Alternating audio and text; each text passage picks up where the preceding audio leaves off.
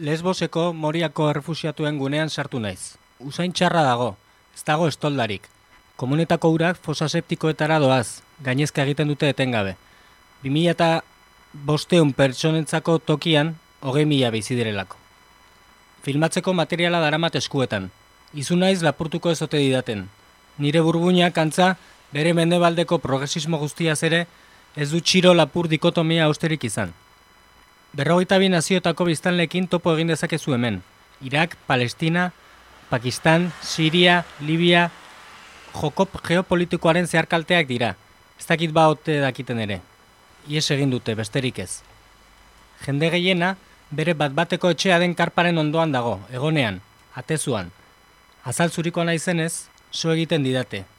Ara zerbait ematera edo zerbait kentzera otenoan kalkulatu nahian edo. Horra albistegietan dozenak abider ikusi ditudan errefusiatuak. Niri so. Izpilu deformatua baliz bezala, beren begietan ere bizitza ikusten dut. Eta ni banitz, nire herrira etorri izan balira bomba botatzera, ni izan banintz, han sartu dutena, bere seme alabekin, bizitza kolektibo kirazdun horretara kondenaturik, txabola baten ondoan eskatila siriar bat, barbi pat, panpina eskuan. Muturra zikina du, begi beltzak, han nahi nuke geratu bere ondoan, betiko, ezerrez sentitu, ezerrez pentsatu. Baina aurrera noa. Kamera piztu dut, rek dena zegoen bezala geratuko da. Ni itzuliko naiz. Haiek ez. Horra Landergarrok Europar ikuspuntu zinikoarekin egindako iritzi artikuloa. Hemen hasten da gaur egur. Guten Tag, meine Damen und Herren. C'est la lutte contre le terrorisme. Katea ez da eten. Agirre, garaikoetxea, reizaola. Gaur egur. Gaur egur. Gaur egur. Jolasten eta enredando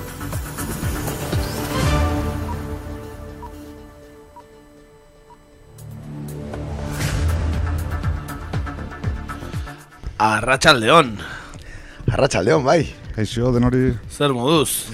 Ondo, mentxe, astelena, eh, eguraldi zoragarria. Bai, bueno, negu giro, ah, eh, baina, bueno, eh, ba, garaia, ez? Eh, aste bete iraun digu neguak aurtengo, aurtengoan, eh? Bai, ezin geha kejau egia esan, eh, sufritu behar da pixkat ere. Bai, ez dakit, baukazuen koronavirus sintomarik edo? Zakit, berogei aldirik egin beharko du, no? Desiatzen gaude, baina oraingoz ez da tokatzen, eh, kakentzon estudiotara ez da iritsi birusa. Entzule jakin dezatela ni kristalaren beste aldean nagoela, beraz bi hauetakoren bate koronavirusa baldin bauka, hemen txe, eukiko ditut berrogei aldian. Bai, eh, leku aproposa, eh, berrogei aldia pasatzeko. Bai, hortxe utziko zaituzte, karriko izuet janaria noiz benka, eta Ba, ki oso ona zehala, eta bueno, eskerrak beti, beti izango dugu Winston, ez da? hori da, eta aktualitatea, seguru jakingo dezue, aktualitateen berri eukiko dezue. Ba horixe, e, ongi etorri entzule, gaur astelena da, gaur martxoaren bederatzia da, martxoaren sortziaren biharamuna, eta hemen txe, ba, bertan gaur atalarekin ekingo diogu gaurko irratsaio honi.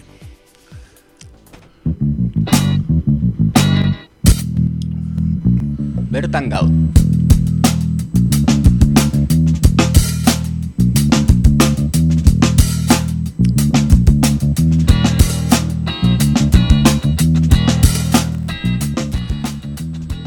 Gaurkoan, asteburu honetan izango diren hauteskundei buruz, arituko gara gure bertako gaien atalean.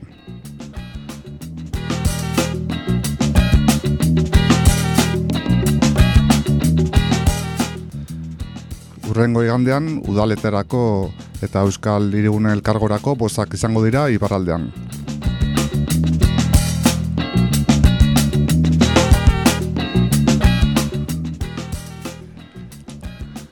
Gai garrantzitsuak daude mai gainean eta dagoeneko alderdi guztien aldagaiak aurkeztuak daude. Hauteskunde hauetan jokoan zer dagoen eta giroa zen den azaltzen alegenduko gara gaurko honetan.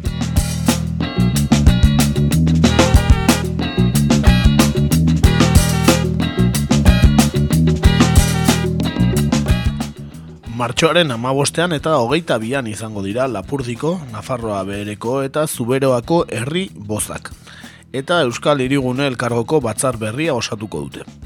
Etxabizitzaren eta garraioaren gaiak erdigunean daude leku askotan.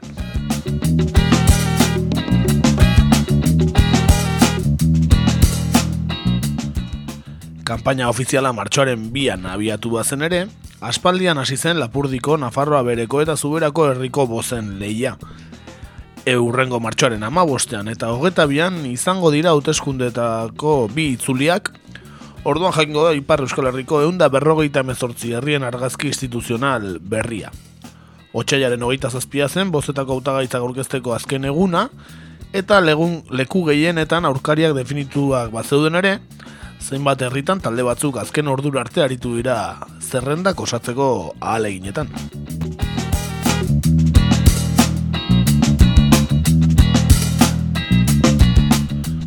Euskal Hirigune elkargoaren bozak ere izango dira martxokoak.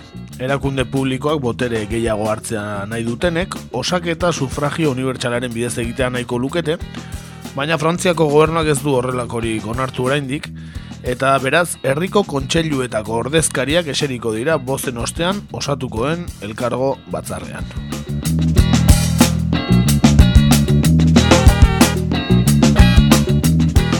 Laurbiltzeko bozkatzen direla e, zinegotziak eta alkateak ez edo auzapezak, baina e, elkargoko e, batzarra edo ez da bozkatzen e, zuzenki, baizik eta udaletxeetatik ateratako e, hauteskundeetatik aukeratzen dira ez, e, udaletatik aukeratzen dira batzarreko kideak, ez?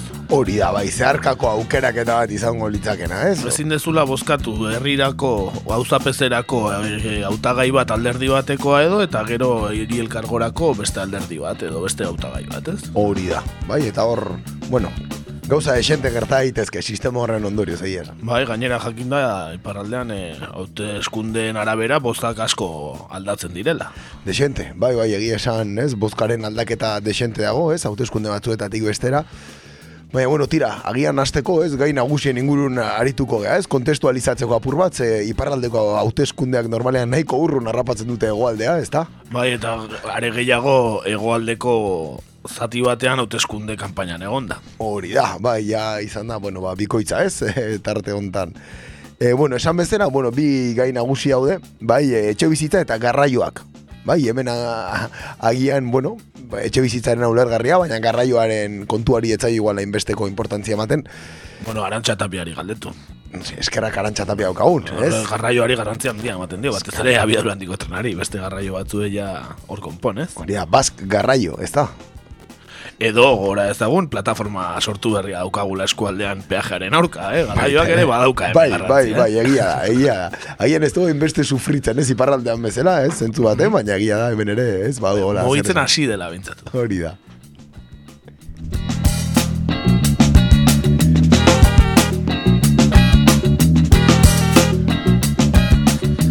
Baina zergatik etxe bizitza eta garraio etxe bizitzarekin hasiko gara nahi badezu? Bai, bai, agian puntu garrantzitsuena. Ez kasu hontan, ba, bueno, jende gehienari ez, eh, afektatzen diolako bere bizitza osoan, esango dugu. E, bueno, kontua jakingo zuen moduan, bueno, iparraldean, eh, etxe utxen proportzioa oso handia da, ez, herri, herri askotan.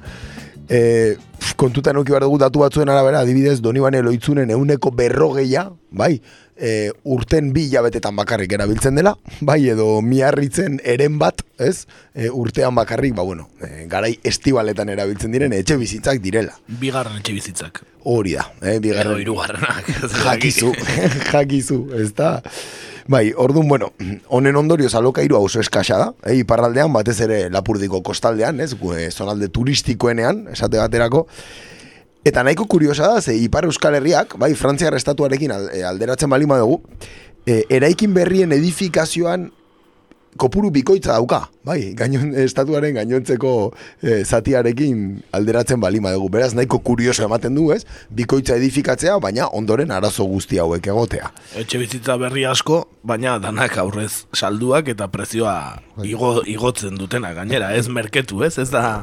Hoixea kontua, bai, prezioak gore egiten dutela etengabe, horren ondorioz ere, ez? Ez da la merkatuaren logika, ez? E, geroz eta e, gehiago saltzeko aukera gehiago prezioa jisten dela ez kasu honetan ez. Ez kasu honetan ez, bai, alderantzizkoa izango litzake, bai. Eta izango dira gaina turismora bideratutako Hori da, bai, hor zer gertatu da, orain arte kontua eskasa bali mazan, ba, bueno, imaginatu, ba, Airbnb eta horrelako plataformen agerpenarekin, ba, gauza are eta okerrago dagoela. Bai, ja ez dia, ia, e, bueno, etxeak alokatzen, batez ere lapurdin, e, luzarorako, eta bakarrik, ba, bueno, e, gaien dudienak dia, ba, bueno, aste beterako alokairuak, edo ia beterako alokairuak, hau da, oporraldietarako, ez?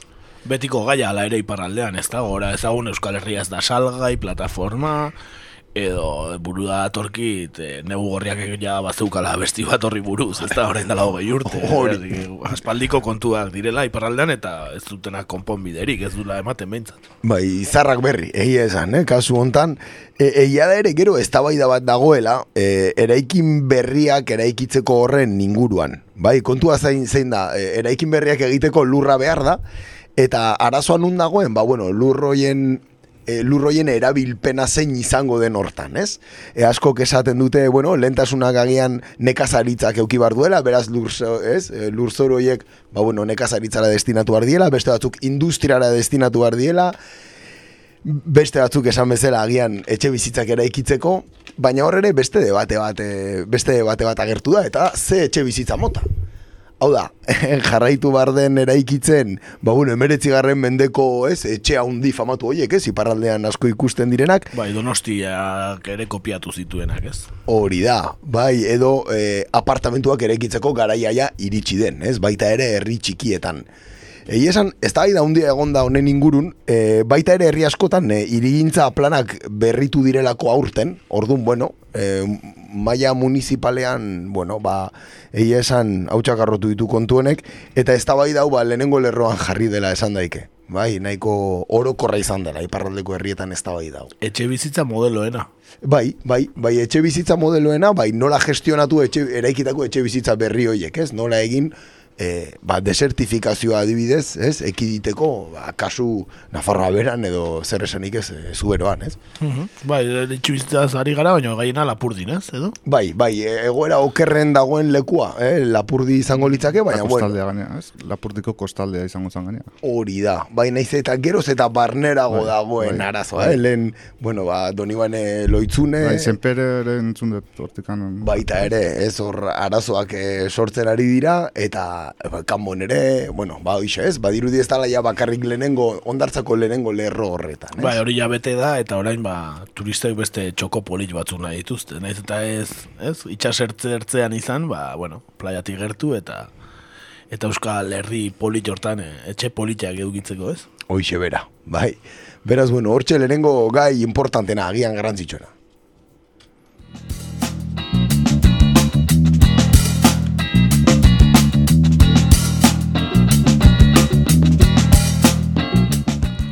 Garraioak aipatu dituzu gero. E, garraioak ere, ba, ba dute bere garrantzia, iparraldean. Bai, bai, akaso, bueno, ez dakit e, gure entzulen artean norbaitek e, sufritu dituen iparraldeko komunikazio bide diferenteak, bai, baina, bueno, eia auto lerroetaz naskatuta dagoela. Bai, bertako jendea, ibilbide oso motzak egiteko denbora asko behar da, bai, beti enboteiamentuak daude e, etengabe, ia egunero, batez ere ordu punta hoietan, ez? Eta, eta jendea nahiko, nahiko nekatuta dago aspaldiko arazo honekin ere, bai. Gero, esan barra dago ere orokorrean e, garraio publikoa oso eskasa dela. Bai, trenak, autobusak e, ez dituztela herritarren e, beharrak asetzen inundik inora.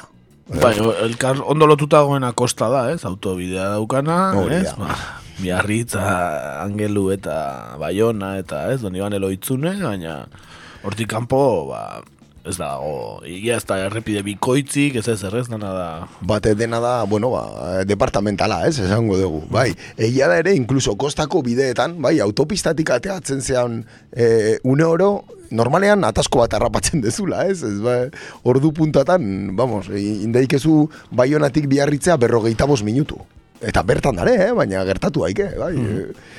Eta autobia bera ere, euska, esan, ia eskoriala baino obra luzeagoa izan da, eh? Obratan egon da, amarkadak, oraino antxe ez dago, ez, uste dut? Ez dago, lehenengo aldiz amabi urtetan, okerrez bali manago, irugarren karri hori hasi ziren egiten 2000 eta bederatzean, eta 2000 eta hogeian gaude, eta bukatu berria da, ez? Bai, bai, berri berria, gainera. Hala ere, ordain sariak berdin berdin kobrautu dituzte, eh? Bai, igo egin dia, inkluso, azken aldi hontan, bai.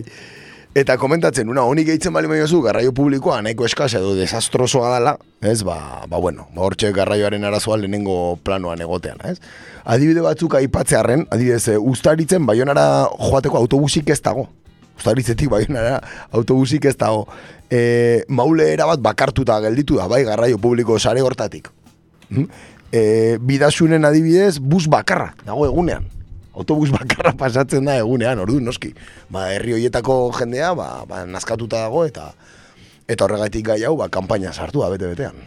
Logikoan bezala, ez? Oh, izan notari, e, ala ere, garraioetaz eganen ez gara HT-aren lineataz, ez? Zein atzeratu duten beste markada bat, ez? Ez, ez, da gutxiago, ere. De hecho, HT-ak eh, oso eh, maia, mai lokal honetan, ez? Oso eragin gutxi dauka. Azkenean Paris eta Endaia konektatzen duen trena da, eta eta iparraldean alde batetik bestea HTA edo zein intercity bezala edo zerkaniaseko trena bezain azkar ibiltzen da, hau da, beste tren bat gehiago da, eh? Mm Eta eragiten badu, ba, kontrakorako, ez? Etxe bizitzen prezio egotzeko, turista gehiago etortzeko, eta, eta biztan lehen garroio bideetan, ba, ez dauka eraginik. Ba, baldin bauka txarra. Ba, dudari gabe. Bai, kasu honetan ere, HTak bere biziko garrantzia du gehiago jakinda gaur egun aberatsak trenez mugitzen direla eta ez egazkinean orokorrean, bai, asko irabazi du abiedera ondiko trenak eta eta asko igo dira presioak ere, bai, e, horren seinale aberatsak trenean mugitzen.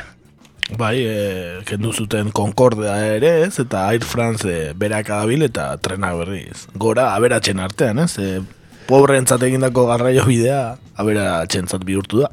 Bai, bai, ez dakit bere komodidadea nagusituen azkenean, baina egia da, e, trenen prezioa, bueno, ia, ia ez, ia gabe, bikoiztu egin direla, azken zazpi sortzi urte hauetan, ez? Orduan, bueno, hortxe.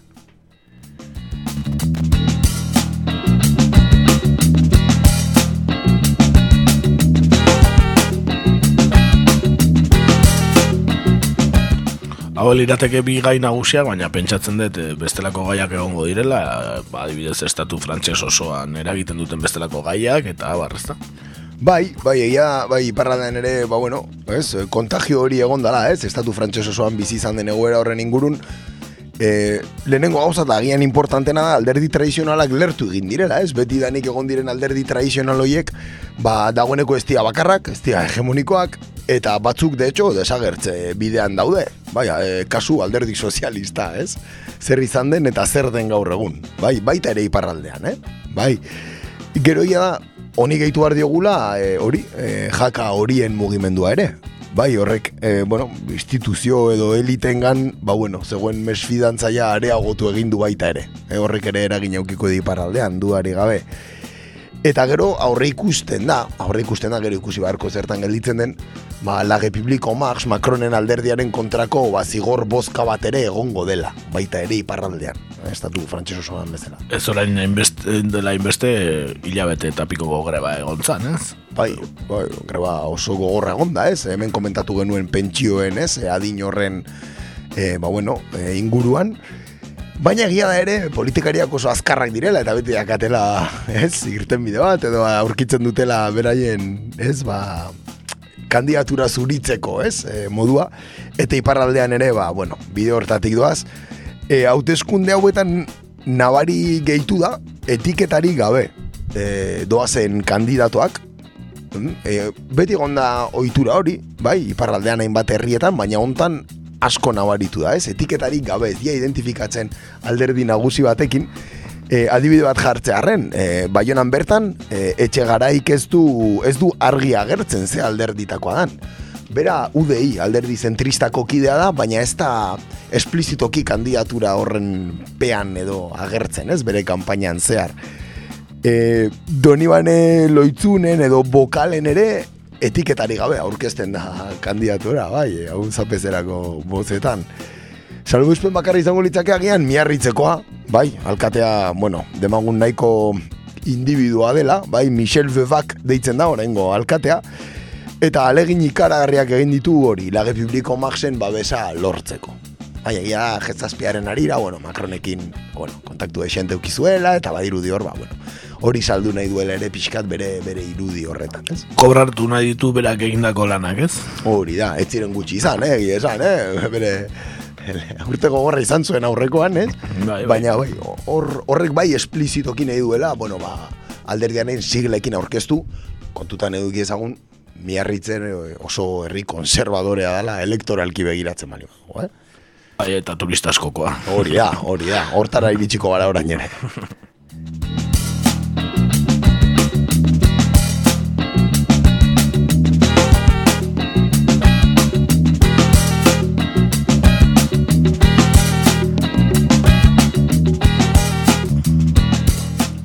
Izan ere iparraldean e, beti eduki dute de, arazo demografikoa ez eta e, barnealdea gustu eta eta kostaldea betetzearena eta horrek ez dauka etenik ez adibidez. Ez daka, ez daka etenik eta de hecho hauteskunde hauetan nahiko gauza ineditoa edo bueno, e, hemen adibidez ezingo genuke alderatu ez dauzkagun datuekin kontutan izan iparraldeko biztanleria euneko amarra unditu dela azken amar urteetan. E, euneko bata urtez eta eta gehiena frantzitik etorritakoak direla. Bai, paraldea iristen diren gehiena frantzitik datoz.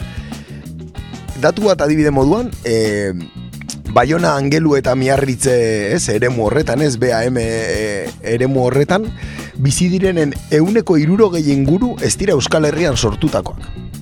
Euneko iruro gehiaz ari gea, eh? Bai, ez dira Euskal Herrian sortutakok, eta Bayonan, kasu, e, erroldako, erroldatutakoen erena, hautesle berriak izango dira, hauteskunde hauetan, erena. E, Frantzia arrestatutik etorritako e, hautesle berriak izango dira erena.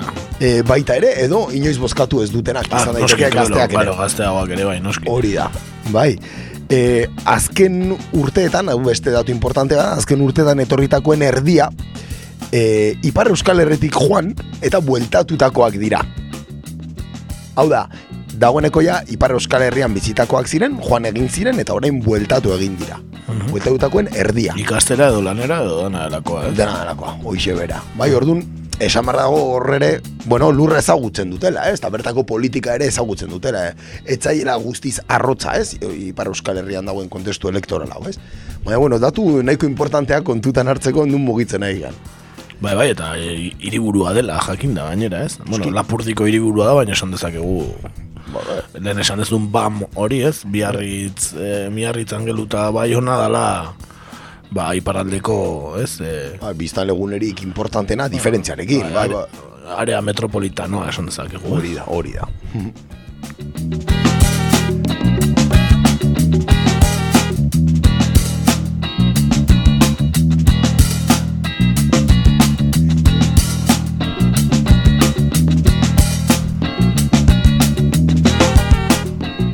Esan dezakegu iparraldea tradizionalki orokorrean e, kontutan eukita kanpotik etorritako jende aberatsa eta bar eskuindarra izan dela, ez? Mhm, Orain dik ere ala jarraituko duela aurre ikusten da. Bai, bai, emaitzetan alderdi zentrista edo eskuindarrek orokorrean aixe irabazten dute. Bai, naiz eta hor ere aldaketak egon diren, bai, batez ere, bueno, kako txartean ezkerra deitzen den horretan, ez? Sozialdemokraziatik ezkerrera. E, bai, bai edo, bueno, sozialdemokrazian ere, bai, adibidez, eta oso adierazgarria da, e, Frantziko alderdi sozialistak ez du zerrendarik aurkeztu. Hautezkunde hauetarako. Bueno, eta garria. Eta kontutan izan, lehen eh, angelun, miarritzen, ziburun, doni bane loizunen, e, udaletxak zituztera, eh? Osapezak beraienak ziren, eta orain ez dute zerrendarik eh, aurkeztu. Eta badan horke esaten duen, ba, igual alderdia bertzalek konbentzimenduarekin aritzen bali dira, edo, bueno, argudionak ateratzen badituzte kanpainan zehar, ba, ba agian haien meseetan izan daitekera guzti hau, ez?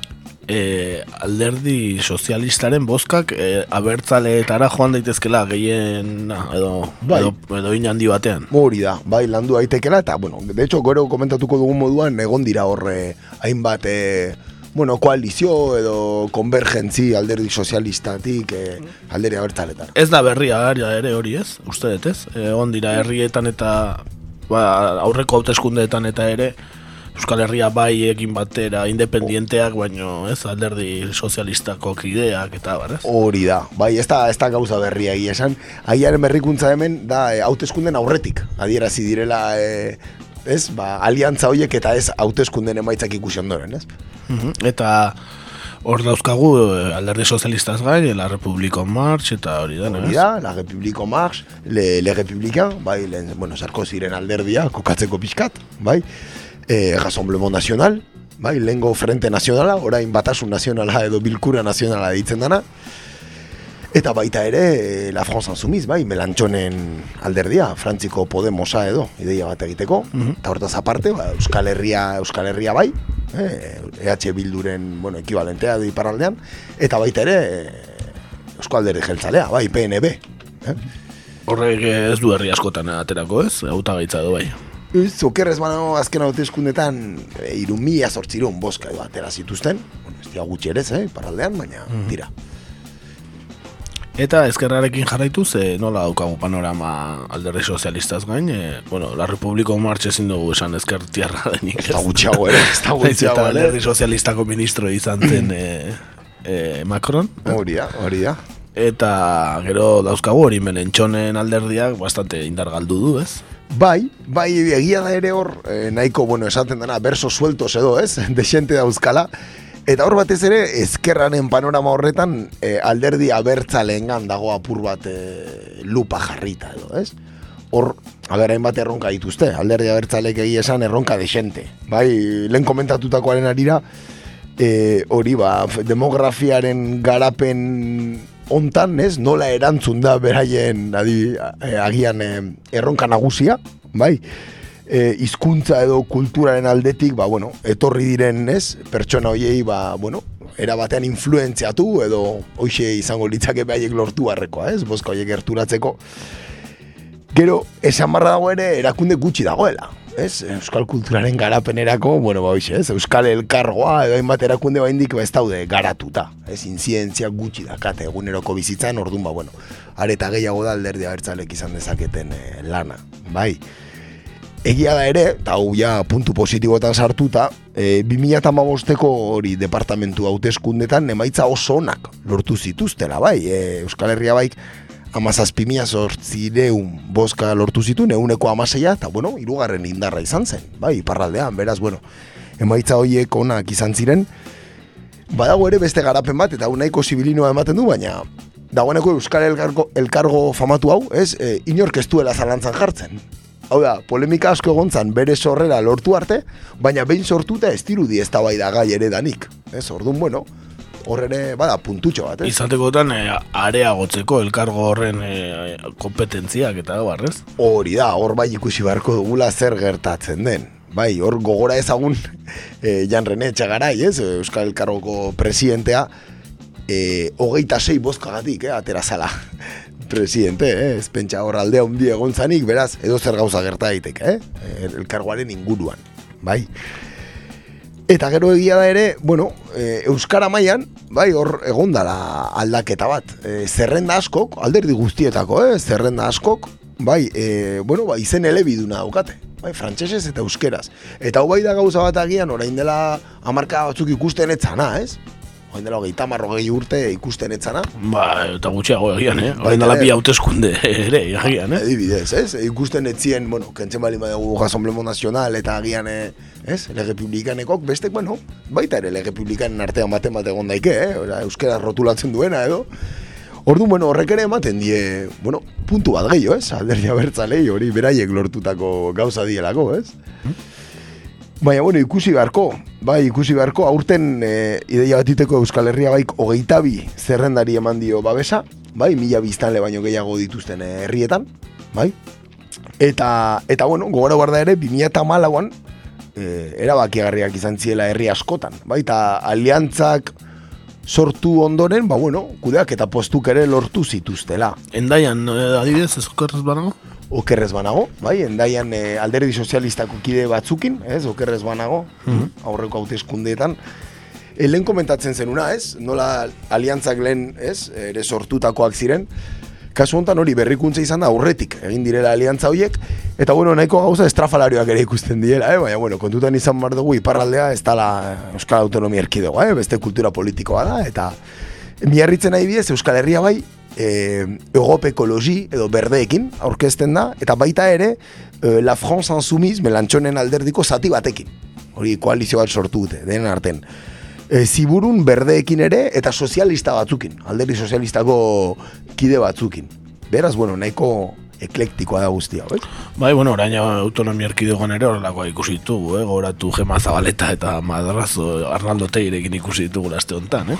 Hoixe bera, hoixe bera, eh? Bai, gero ez da, hemen ere nahiko gauza oikoa bihurtzen ari da, edo, ez? Bai, bai, kutsatu da hori ere egoaldera, iparraldetik. Bai, gutxitan izaten da, iparraldetik egoaldera kutsatzeana, baina tira, ez? Eta bueno, hoixe, eta bueno, gero, eia ere, ba, badagoela, ez? Sektore bat ere, ba, bueno, alderi abertzalei egurra ematen diona, eta eta komentatzen duena, ba, bueno, lehen, ez, alderi abertzaleek historikoki jauntxoak salatu dituztela, ez, esate bateako iparraldeko jauntxo, ez, historikoiek, Eta orain, ba, bueno, abertzale batzuk, ba, ba, bueno, jauntxoekin biltzen direla, ez? E, nola bait zerrenda, ute zerrendak egiteko, da, bueno, zubi bat sortu dala, ez? Abertzaletasuna eta jauntxo hoien artean, edo notable batzuen artean ere, ez? Iparraldean. Baina, bueno, tira, hortaz asko dakigu ere, ez? Beraz, e, Euskal Ipar Euskal Herriko abertzaleen artean ere badago disidentzia, esan dezakegu? Bueno, bueno, kritikak behintzat ere ikusten dira, ez? Ez da dena bueno, uniformea edo homogenea, bai? Bueno, nik uste repaso hona egin diogula, ez? Egoerari, datorren igandan izango da lehen itzulia. Agian ez dugu gehiagia aipatu e, zein dar hartu dezaken e, eskuin muturrak, Bai, ia, iparraldean, bueno, ez da bere, beraien lurralde predilektoa ere, ez? Kontutan eukitzen badagu Frantziar estatuan, bueno, azken sondeoen arabera, eren batek e, diola lasai asko bozkatu alko lukela Magin Lepenen, bueno, alderdian entzerrendei, ez? Kontutan izan da hori, ba, bueno, iparraldean emaitzak bai lortzen dituzte, baina nahiko kaskarrak. Ezin dira konparatu ez da gutxiago ere, Frantziako e, kosta urdinean, edo iparraldean, ez, lil alde horretan e, lortzen dituzten emaitzakin, ez da gutxiago ere. Eh? Alkate etzaren bat aurrik usten zai, agian bai. Segurazki, segurazki, bai, bai, gero, a ber, kontutan eki behar dugu, sistema bi rondatan egiten dela, ez? Bi vuelta egoten dira, eta naiz eta Frente Nazionalak lehenengo itzulia irabazi askotan, bigarren itzulian fronte errepublikarra edo hitzetan kontu famatu hori sortzen dutela gainontzeko alderdi guztiek eta beraien artean boskatzen direla, kolorea inportagabe. Tira, ez da oso demokratikoa den, baina horrela funtzionatzen du estatu frantsesak, bai. Ba, bueno, berdina izango litzateke udaletxea eratuko balitz, ez? Agian eh, alkatetza beste bat imango liokete Front Nacional erkentzeko, así que antzeko parezido gertatuko litzateke. Hori da, bai, baina, bueno, bai, dituzte alkatetza, bueno, ari beziarseko irian, beraiek daukate alkatetza, Eta, eta beziers, bueno, neko hiri importantea da. Baita frantzi paraldeko hain herrietan, beraz, bueno, bai, prebisioan sartzen da errepikatzearen hau. Mm Vale, ba, no, ba, adio gongo gara, lehenengo itzulira datorren igandean, eta bigarren itzulira bigande barru. Hori da, bai, hori da, hortxe kontua. Hori da, interesatuko litza gozitza izuelakoan entzule, e, egoaldeko kampaina zagrian aspertuta, ba, bai paraldeko ekarri dizuegu. Eta hori xe, ba, nazio artera joko dugu.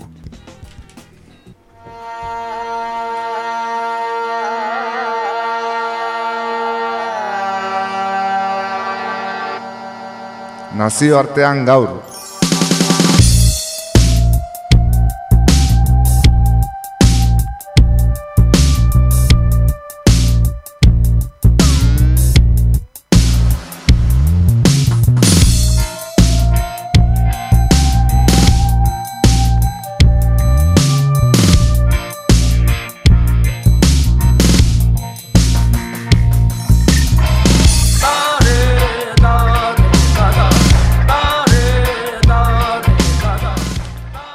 Nazioarteko atalean gaurkoan berriz ere Mediterraneoan errefusatuak sufritzen ari diren egoera beldurgarrira gerturatuko gara.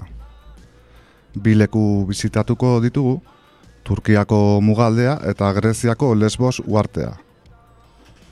Gure garaiko krisi humanitario handiena anekdotan geratzen ari da koronavirusaren garai hauetan, baina guk bentsat ez daukagu azteko.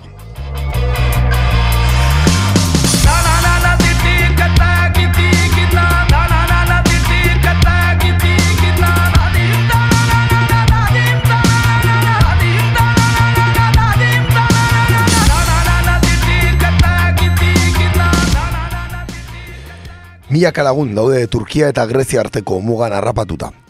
Migratzaiek salatu dute ieslari bat hil dela muga zeharkatzeko aleginan, Turkiak berriz debekatu egin dia atzerriko kazetariei mugara gerturatzea. Aserre eta etxita daude Turkia eta Grezia arteko mugan bildutako ieslariak. Gezurra esatea leporatzen diote Recep Tayyip Erdoganen gobernuari muga irekita zegoela sinestarazteagatik. Izan ere, bai, eh, Ankarako poliziak igarotzen uzten die, baina Greziako segurtasun indarren eskuetan erortzeko bakarrik.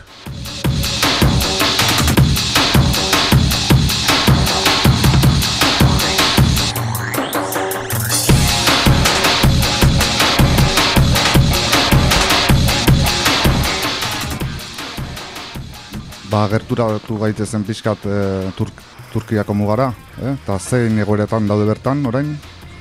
Ba, otxailaren hogeta zazpitik, e, Greziak muga itxi zuenetik, egunerokoak dira militarren eta migratzaien arteko gatazkak, segurtasun indarrek negar gasa jaurtitzen diete etengabe, e, sartzen ala egintzen diren guztiei, eta ino reuren ere moan e, antzematen badute, ba, kanporatu egiten dute. Eta mugan, e, ba, oinarrizko baliabideri gabe daude migratzaileak. Euki kontutan, ba, ez daukate ez dutxarik, ez komunik, ez edateko edo jatekorik ere, e, askok e, dara matzate egunak eta egunak hor. Egoera horretan, eta e, Turkiara itzultzen alegintzen direnei ere, ba, itxi egiten diete bidea Turkiarrek. E, eta gogoratu ezagun, bertan daudela bai, familiak, aurrak, eta ba hori jasan behar dituztela alde batetik greziarre poliziaren oldarraldia saiatzen badira pasatzen eta turkiera itzultzen bue saiatzen badira ba turkiarrena. Beraz e, eta egunero gasa botatzen diete el gas lacrimogenoa eta egoera ikaragarria ez? E, daude limbo batean hor ez? E, territorio ez, mugako territorio hortan inorrena ez den hortan ez ez leku hortan eta eta hortxe daude miseria gorrian. Berri ere bi espaten artean, ez da, ez? Greziar eta Turkiar espaten artean, ez? Arrapatuta. Hori da. E, berriak e, baduka kazetari baten, aitor txabarri eta entzun ezagun bere kronika. Ba, hemen gauza nahiko, nahiko zaila dago. En jendia dago kalean, orain txegon naiz e, autobus geltokian, hor daude, zera, e, ez dakit, eundaka pertsona kalean bizitzen, dara mate pila bat egun ez edan gabe, jan gabe, osea, hipergaizki. Atzo bai e, pila bat jende saiatu da kreziera pasatzen e, brostikan, ibaitikan, eta atzo e, hogei pertsona edo, geratu zian e, irla batean, e, hor, e, hiru egun, ezer jan gabe, ezer edan gabe, eta bueltatu nahi zutenean Turkiara, e, ez zuten izan laguntzarikan, eta ia gaizki bukatzen da gauza. E, mugan, nik e, oain ezin geha sartu mugan. Osa, atzo izan ditu narazoak horregatikan. Zen, ja muga itxita dago kazetarientzako, e, turkoak ez diren kazetarientzako, baino egunero, greziako poliziak botatzen du egunero gaza. Egunero, egunero, egunero, behin baino gehiagotan. Eta, e, muga osoan zehar, gutxi gora bera, baina hau ez dakit ziur, egongo dira amairu mila, ama mila pertsona orain. E, muga osoan zehar, eh? E, e, ibaian da, zea, frontera terrestren.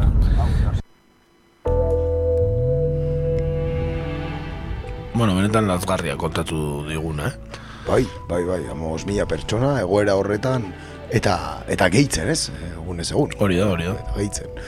Bueno, gero ez gehiago dira, ez? Komentau dugu moduan, baina, bueno, batez ere zer dira, siriarrak edo... Bai, ala da, ez, e, estimatzen da Turkian dagoeneko iruko azazpi milioi errefusiatu siriar daudela. Iruko azazpi milioi, eh?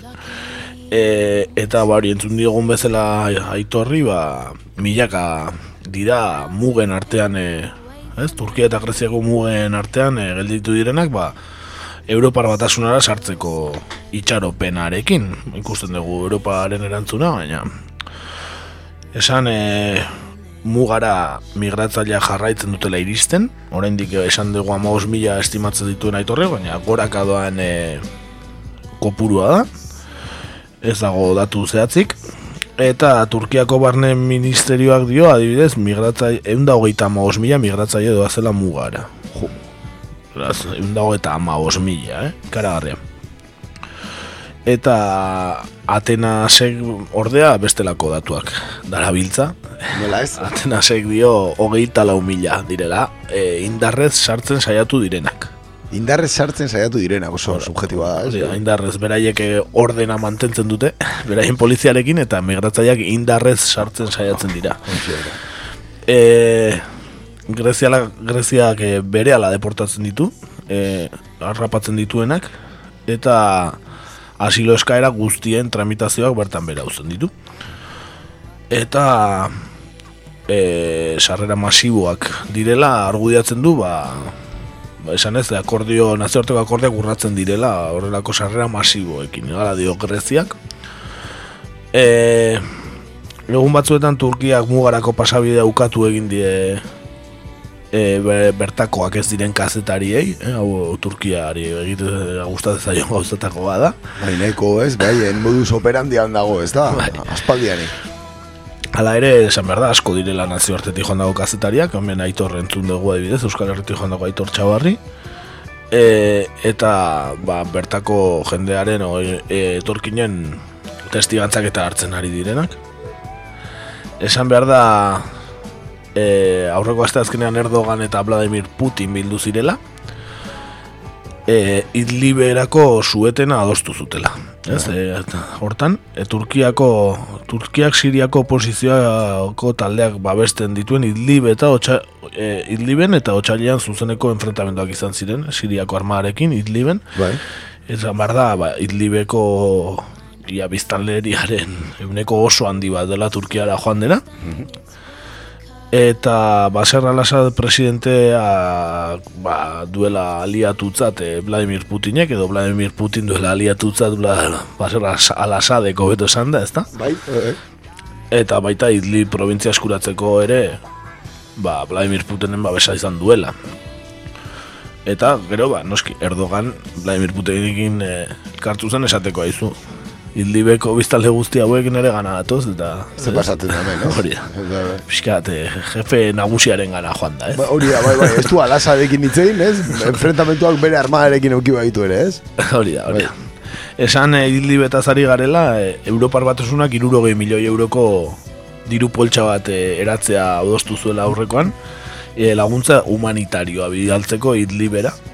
Bai. Ez, eh, pixkat eh, eskua garbitzeko edo, ez? Ba, bai, ze, bueno, gora ezagun, ez? Idliben Turkiako armada, bueno, bertako taldi jihadistekin, edo incluso Alkaedaren, ez? Adar Sirioarekin borrokatzen duela. Mm Hala Eta esan dutela Europak esko atzerri ministroek e, ba, Idliben errefusiatentzako eremu babestu bat eratzeko proposamena aztertu dutela, baina oraindik ez dutela aukera hori egiteko ba neurririk adostu. Beraz, bari duri nahiago dutela errefusiatu horiek liben izan kanpamendu erraldoi batean. Ez dakigu nola, nola bukatuko den. Baina, ba.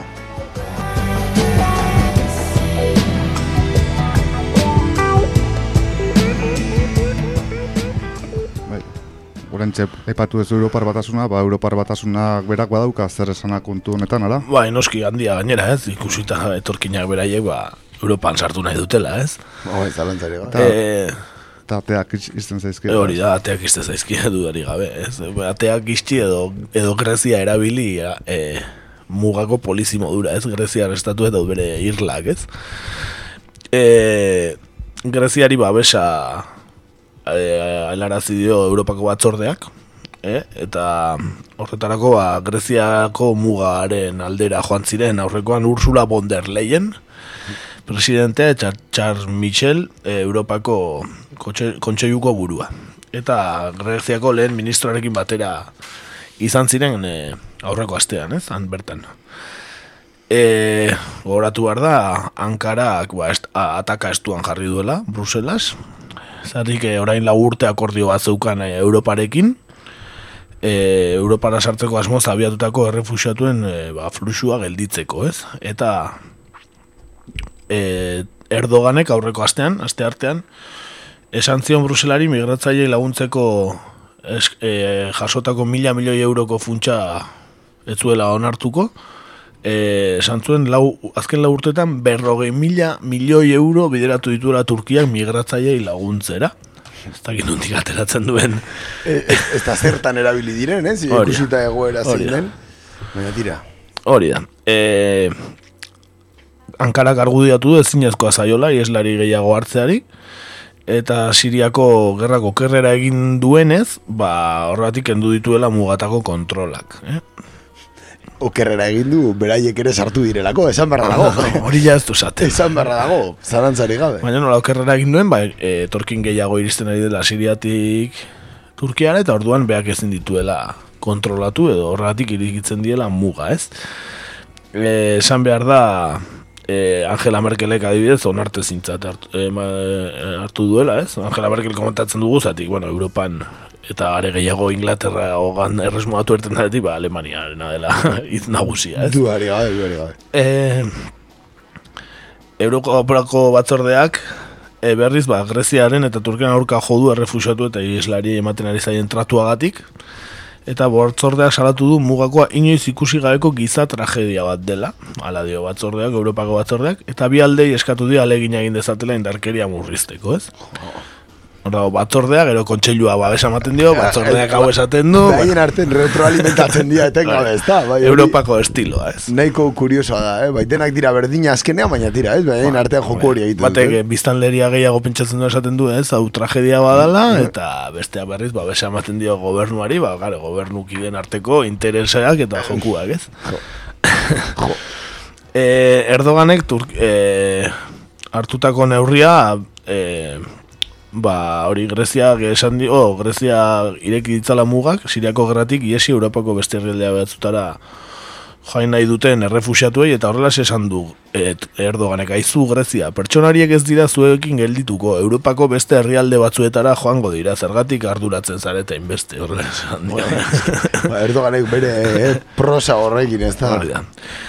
Aipatu gaur e, seiretan bildu direla, e, Europa Europa batzordea eta Turkiako agintariak, eta Erdogan bera joan dela, dirudienez, eta Ursula von Leyenekin, e, von der Leyenekin, e, eta Charles Michelekin, e, e, ba hori, ba, batzartu dela, o batzartuta dagoela, ez dakigu zer zer eskatuko duen, baina bueno, nola esan duen berrogei mila milioi dolar esan du Erdoganek gastatu dituela refusiatuetan, eta Europak esaten du irun mila jarri dituela, ba bueno, ba ez dakit, hogeita mazazpi mila eskatuko dizkion. Hori da, ez falta dana, nola geldituko da kontua, ez? Hori da, e, ez dakigu, e, begiratuko dugu azken ordua, baino, bueno, oraindik nik uste bat hartuta ongo direla, ez? Horrelako bailerak e, ordu betean ez dira, ez dira bukatzen, ez? Ez, ez, ez, normalean luze jotzen dute, ez dakigu askotan, ez? Emaitzak be, beraien iraupenei, ez? Eh, omen egiten dieten edo, baina bueno, ez horrela. Ba, lehenengo iritsi kafe hartu, e, zen semeek, zen alaba, bestea, bakizu. Ba, zer moduz arma trafikoko kontura, eta, bueno, ba, Zen futbol, futbol ekipoa ondo, eta hori.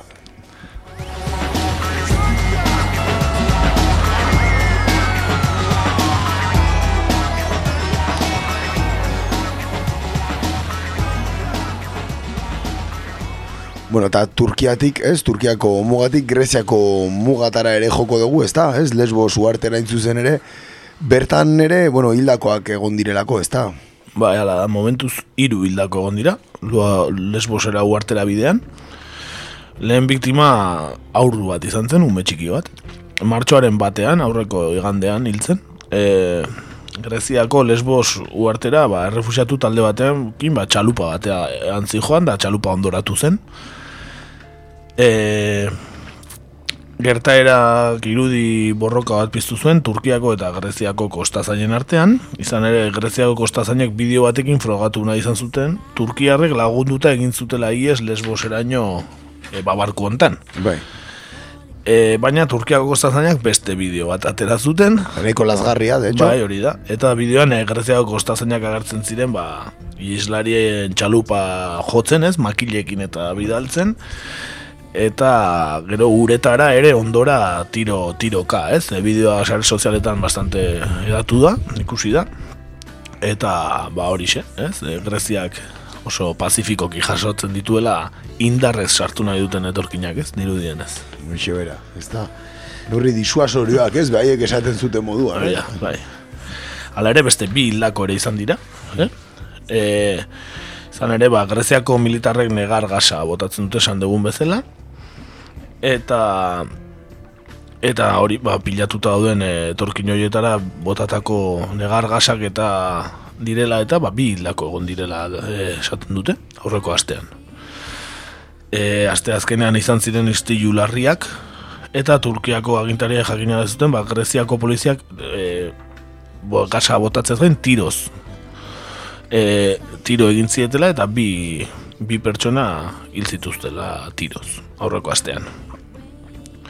E, Greziak ukatu egiten du momentuz, baina argi dagoena da, ohala dirudi, beste bi pertsona hilda daudela, eh? Eta bos lagun e, zaurituta ere bai.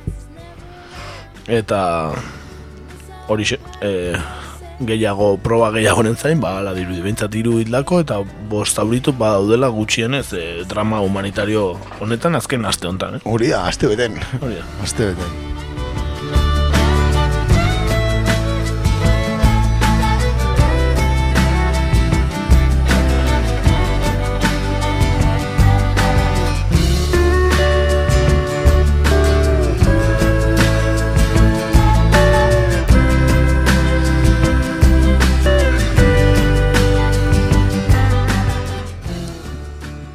Eta egun hauetan komunikabidetan ikusi dugu lesboseko eskun muturreko taldek, nola gobernuz kanpoko erakundeen eta kazetarien aurkako erasoak burutzen dituzten, ez?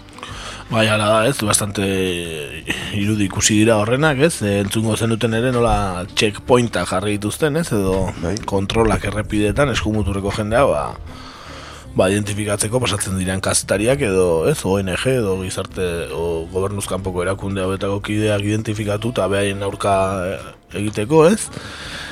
Alokatutako autoak eta e, geratuz ez? Ba, pegatinaren bate bat imadut alokatutakoa ba, geratu eta erasotu egiten dituzte. Eta gehiena entzun dena hemen agian ba, erasotuen artean ba, zaporeak elkarteko kidea daudela ez? E, Euskal Herriko zaporeak e, taldeak elkarteak salatu du ba, fascista talde bat e, euren arka oldartu zela martxoaren batean lesbos uartean eta migratzaileei janaria banatzetik itzultzen ari zirenean. Erasotzaileek erakundeak erabiltzen dituen furgoneta bati eta auto bati egin zizkien kalteak eta elkarteko kideak eta haiekin ziren errefusiatuak ere jo zituzten. Ukabilkada, kolpeak, astinduak eta izua bizi izan duten fascista talde baten eskutik mitilinitik e, gertu azken hauek manifestaldi bat egiten ari ziren bitartean. E, zaporeak elkarte jasandakoa ez da refusiaten aurkako eraso bakarra izan, ez? Bestea beste ikusi genuen e, nola kazetari bat ere golpeatzen zuten, ez? E, bai. Ez da inu gazan, ingalaterrakoa edo? Inga, uste bai ez, bai, inglesa zala, bai. Nola kamara gota zioten uretara eta barrez. Eta esan ebai, e, urtarrilean itxizan migratzaien zentro bat ere zu eman diotela azte buru enten. Beraz, be, ezke, ui, e, fascista taldeak e, lesbosen ba, gogor, gogor da biltza, eh? Bo, bai, eta poliziaren pasibidade osoarekin, ez da? Mm Kazetari ugari da biltzan, e, Euskal Herritik agian ezagunena aneira zabalez, ikusten duguna, ba, bueno, hau Euskal Herratiari horrela esan dio aste honetan aneira zabaleko. Bai, azken egunetan, e, gobernuz kanpoko erakunde eta elkarte humanitarioak bilerak egiten ari dira, hemendik aurrean nola jokatu, nola baita erabakitzeko. Haiek ere babesgabe sentitzen direlako. Eta sumatzen dutelako, ba, bai talde fasistak, baita Greziako gobernuak ere talde fasistei nahi dutena egiten utziz, haien lana e, ekiditen ari direla. Mugarigabeko medikuek adibidez, haien klinika itxi dute. Imaginatu zein garrantzitsua den mugarigabeko medikuen klinika moriako errefusatuen kanpalekuan. Hogei mila pertsona baino gehiago daude une honetan kanpaleku horretan. Europako zentrorik handiena da, eta ideia bat izan dezazuen, lesbos guztian, uarte guztian gutxi gora bera, hogeta marmila biztanle bizi dira. Moriako kanpalekuan hogei mila pertsona baino gehiago. Egoera izugarrizko kaosa da. Beraz, beharrezkoa da, kasu honetan gobernuz kanpoko erakundek bakoitzak bere sektoreak, sektorean egiten duten lana. Eta, eta aipatzen ari ginen moduan, voluntario asko eta elkarte asko oso beldurtuta daude eta ez dakite hemendik aurrera nola jokatu. Izan ere, talde fasistak impunitate guztiarekin jokatzen ari dirazken egunetan.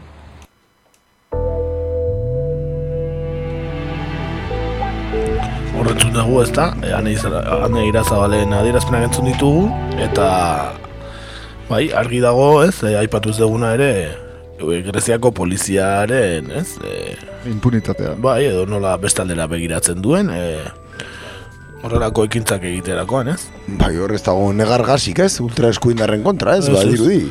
Ez da txiloketarik, ez da ez ez? Entzun ditugu kazetariak eta esaten nola poliziari esane, bakizu eh, fascista dauden horka eh, kaminoan aurrerago, ez? E, checkpoint bat jarri duten da. Bai, uste bai, ez, eta ez zuen dezu ezerrein da. kontu zibili. Bai, kontu zibili. Argi bili, ez? Horre nahiko arriskutsuago kontua, eta ez hori da, bai, bai o, beste modu bat nesan da enkubritu egiten dituzte. Hori da, hori da. Hala ere, ez ditzagun eh, kriminalizatu lesboseko biztanle guztiak. Eh? Claro, ez, ez, ez. Eh, zatikan, eh, nabarmendu behar da biztanle liaren zati txiki bat direla. Eh? Ba, ba, eta kanputik etorritako kere, ez, pentsatzen dut. Eta hori da, eusku ultraeskuina dela, eta beraien, ba, ultraeskuina beraien interesa eh, ditu, eta ba, hortarako ari da guzti hau egiten. Baina, baina hori, e, biztanleak, e, lesboseko biztanleak e, ez direla horrela gehiengo handi batean, ez? Eta hori irazabalei entzun diogu aste honetan ere begira. Lesbosek oraindik herri solidarioa izaten jarraitzen duela, uarte solidarioa izaten izaten jarraitzen duela.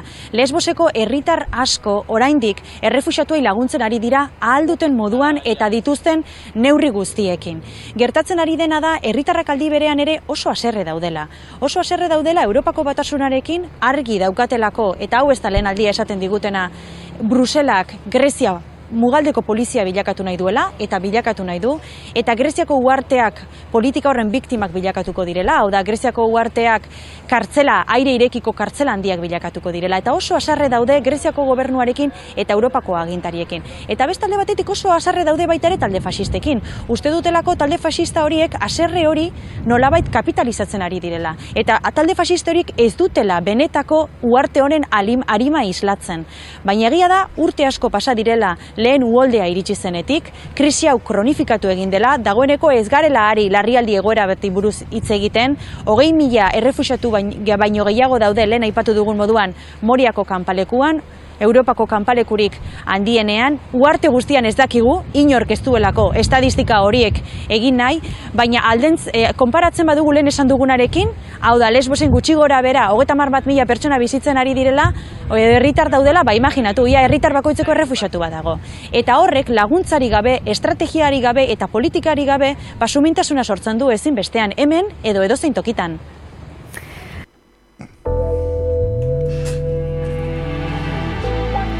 Bueno, arrazoi guztia, nahi da zabalek, eh? Arrazoi guztia, analizi bikaina. Bai. E, motzen, baina analizi bikaina eta, ez? Bai. Giltza nagusietan emanez. Bai, eta bertako lesboseko biztan lentzate bai egoera, ba, oso zaila dela, ez? Zatiko goita mar mila pertsona biziden tokin, ogoi mila e, refusatu dutea bai, esan da, egoera bere entzate bai, bertakontzako oso zaila dela, eta e, ba, honen erantzun guztie, ba, Europa batasuna duke. Mm -hmm. ematen dut dana aidela behaien eskutan uzten, ez? E, venga, arreglau zaizte zuek, e, bai. geografiko jito joi zaizue e, ere muertan neotea, eta ba, zuek konpondu, ez? Hor konpon, ez?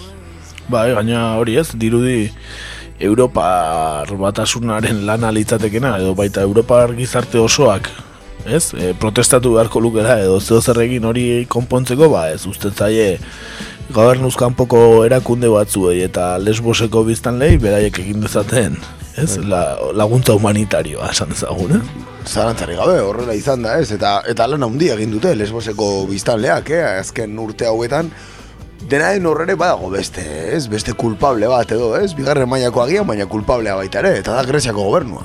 Ez? Augusti hau oain dela bederatzi urte hasi zen, sortzi urte eta erdi, ez? Hasi ziren errefusiatuak Greziara iristen, Siriako gerra piztu zenean, Eta bai, Txiprasen gobernuak, batez ere Txiprasen gobernuak, agian ideologikoki ez, norabide nahiko markatua zuelako, e, Europari etzion estop esan momentu jakin batean, eta guzti hau permititzen jarraitu zuen, ez? Ez dakit eina undiago edo txikiago batean, baina permititzen jarraitu zuen, eta etzion irtenbide duin bateman arazo honi, hau da, anira zabaleko esan duen moduan horrez da politikarik egon. Egon dana izan da, kontentzio estrategia bat, bueno, e, semantikoki beneboloak balimagea, ez? Ordun horrere importantea da, ez? Eta baliabiderik ez dira jarri Greziaren gobernuaren aldetik, egoera oso delikatua bizi zuen Greziak bere garaian, baina Moriako kanpalekua eh, ez da infrastruktura erraldoi bat, eh? Ari gaite egiten errefusiatu kanpaleku batetaz, bueno, miseria utxan bizi diren pertsonen pertsonaz osatuta, ez? Eta nik uste horre badagoela Greziako gobernuak, lenguak eta oraingoak badaukatela erantzunkizun handi bat ere, ez? Kontu guzti honetan. Hombre, eta Europar guztiak e, gogoraziz e, Siriako gerratik datozen jendea dela, eh? Bai. eta Siriako gerran e, zeinek hartu duten parte, ez da? bai. Eta guk guen, dela hilabete eta ardio bi hilabete nahiz akordatzen ibideko erasoak hasi zirenen Turkiak e, Siriak eraso egin zionean aipatu genuen eta gu ez gara izugarrizko adituak eta ikusten zen zer etorriko zen. Ez, eta zagit, Europar batasunak bazekin zer zetorren. Zalantari, eh, ba, ba, ba, ba. eta de hecho Turkiak inbazioa hasi zuenean ondo, seguraski ondo kalkulatua zuen, ez? Gertatuko zena eta zeetekin politikoa aterako zion Erdoganek guzti honi. Erdogan gauza asko delako, baina desde luego inozoa ez da. Erdogan oso kalkuladorea da eta orokorrean gauzak ondo ateratzen zaizkio, orokorrean.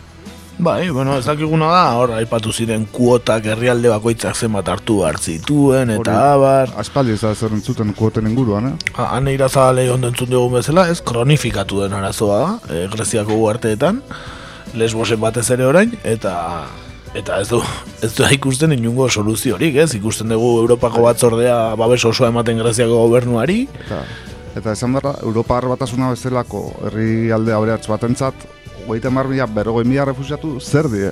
Banatzeko hainbeste herri alden artean ez da, ez zer? Osa, ez da, ez zer? Hasierako kuotatan egun da berrogeita mar Eza, mila pertsona nik ez- pentsa milioika zirenik, eh? Egun da berrogeita mar mila pertsona eta usteet kokatu zituztela sortzi mila bostegun, o barbaria da. Eguneko amarrea etzan iritsi, ez?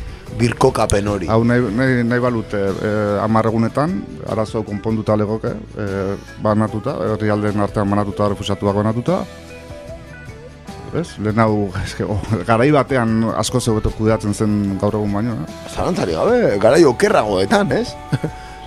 garai okerragoetan, esan et, e, e, logistikoki edo medioetan, ez?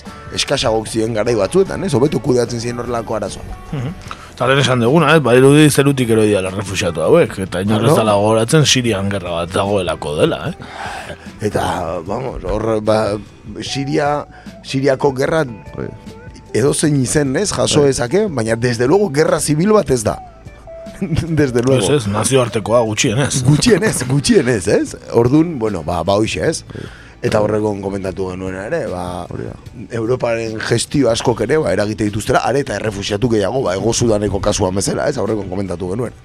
Bai, hori da. Bueno, iri, bueltatuko gara honetara, ez, ematen du... Tamalez, bai, Tamalez bai. ez daukala konponbide luzerik. Hori, ezagik aipatu egun, e, Euskal Irratiatik hartu dugula, han e, irazalen deklarazioak hartu ditugula. Eta hori, esan nahi nuen, e, ba, kazetari puska daukaguna, eh, euskeraz, eh? Kristona.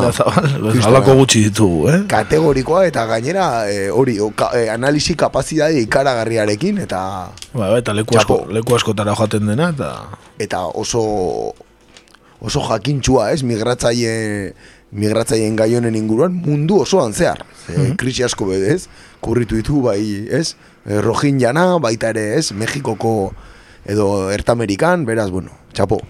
Bai, hori da, e, ba, bintzat ez, e, ondo egiten duena ez, ETB asko kritikatzen dugu hemen, ba, bintzat, e, naiz eta freelanza den ez den ETB-ko Hori da, hori kazetaria, da. ETB nere agertzen da, eta ba, on, ondo egiten dituenak ere esan marko ditugu.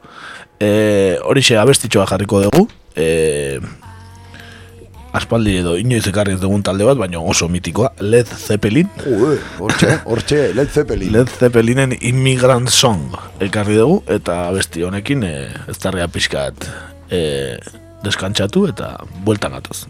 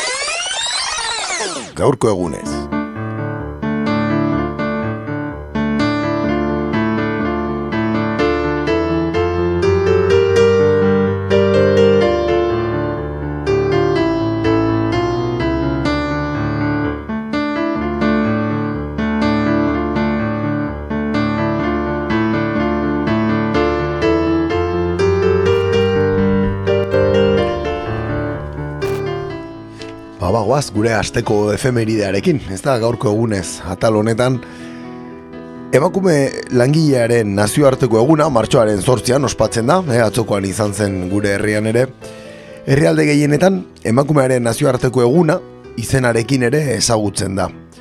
Emakumen eskubideen aldeko borroka ezberdinak gogoratzeko zein eskubide horiek betetzea eskatzeko erabiltzen da eguna.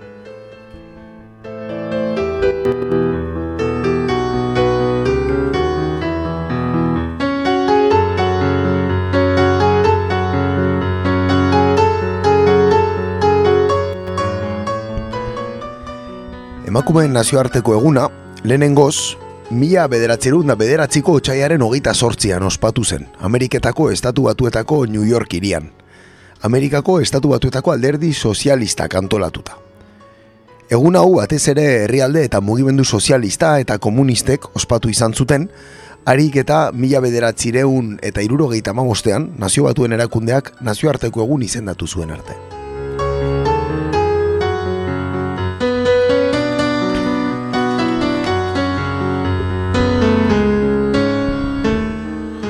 Hori bakarrik aipatuta gero batzuk harritzen dira, eh? ultraliberalak eh, manifestazioetatik bidaldi nahi dituztelako, eh? Eske hortxe, ez? Bai, bai, bai, bai. Bueno, ba, bintzate, historiaren lehenengo pasarte irakurritan nahikoa da, ezergatia jakiteko. Bai, bai, ez da asko profundizatu behar kontuan, ez da?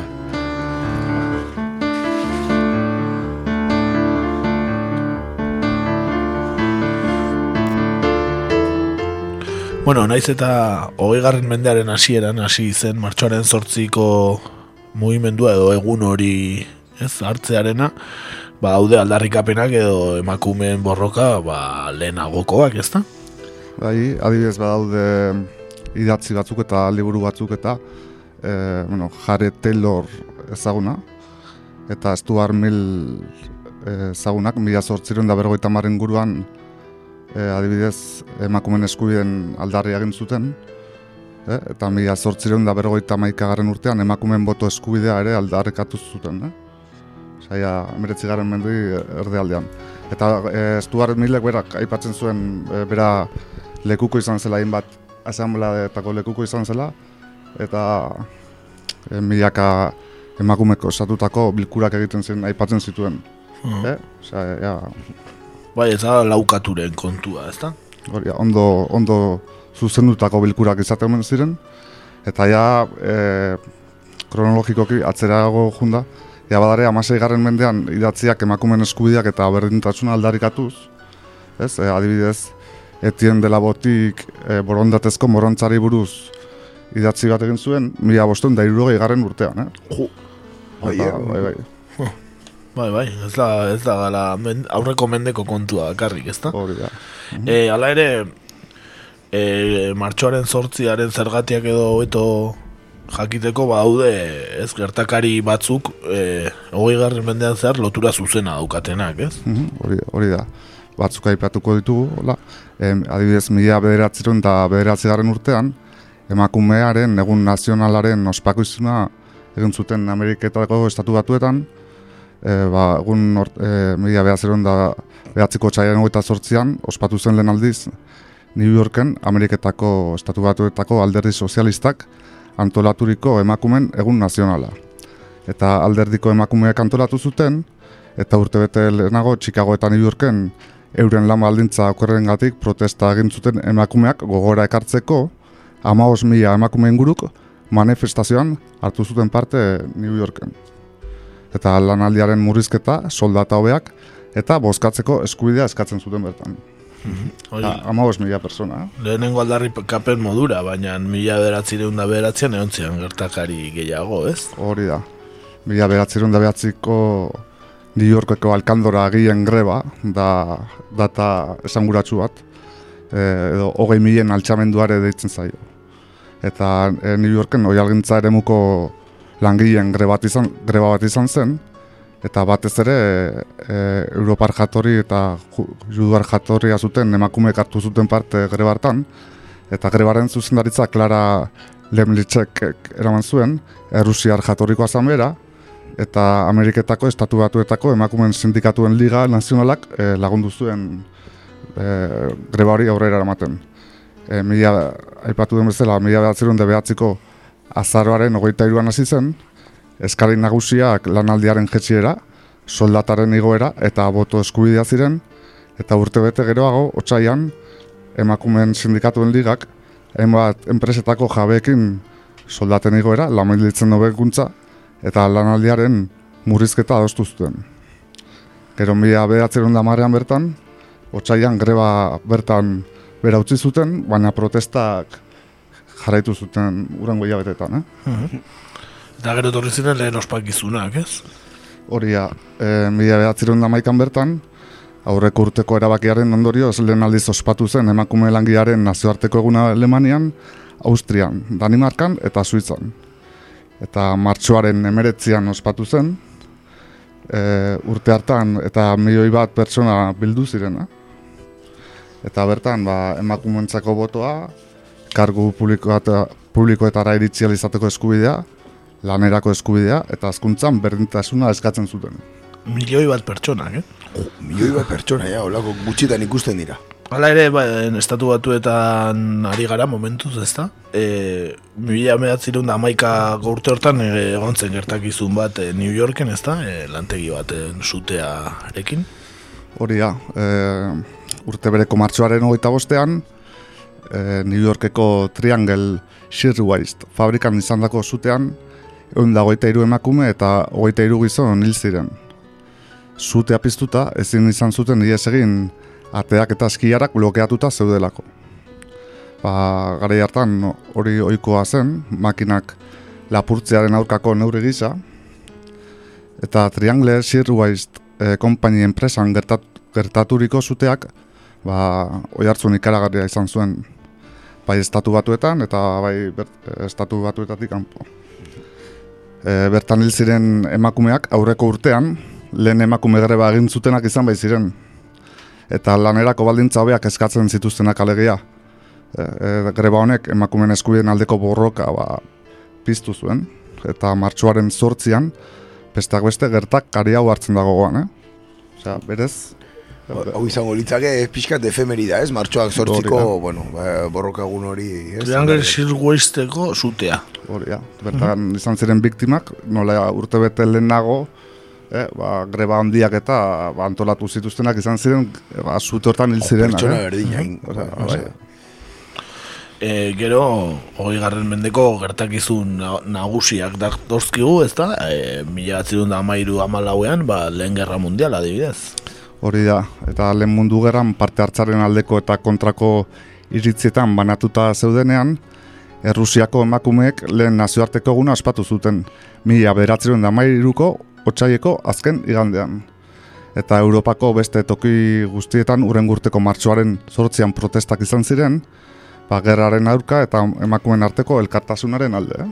Uhum, ja, bagoaz estatu batuetatik eta Europara etorri gara, Rusiara eta uhum. Eta Europara. E, gerraren kontra protestatu zuten bai Rusian bai Europan eta emakumen arteko elkartasunaren alde, baina e, gero Errusiako iraultza ere etorri zen eta han ere emakumeak ez zuen nola nahiko bapera izan. Hori da, eta emakumen nazioarteko egunaren aldarri egin zuten Petrogradon, bila bederatzerun damazazpian, otxaieko iraltzaren hasiera izan zen. Eh? Aldarri hori izan zen, otxaieko iraltzaren hasiera. Mila bederatzerun da amazazpiko matxoaren sortzian, Errusiar imperioko hiriburua zen Petrogradon, ba, oialgintzako emakume langiek manifestazioa abiatu zuten eta hiri guzti hartu zuten. Eta ura izan zen, lehen aipatu dugun bezala, Errusiako iraultza piztu zuen ekintza nagusietako bat. Beraz, eh, hain ospetsua den Errusiako iraultzaren pizgarri nagusia emakumeen gerre bat izan zen. Bai, eta pizgata aipatuko dugun nola izan zen, nola izan zen egun horiek, ba, e, lantokietan geroz eta emakume gehiago zeuden, karo, jendea frontera eta bialtzen zuten ez.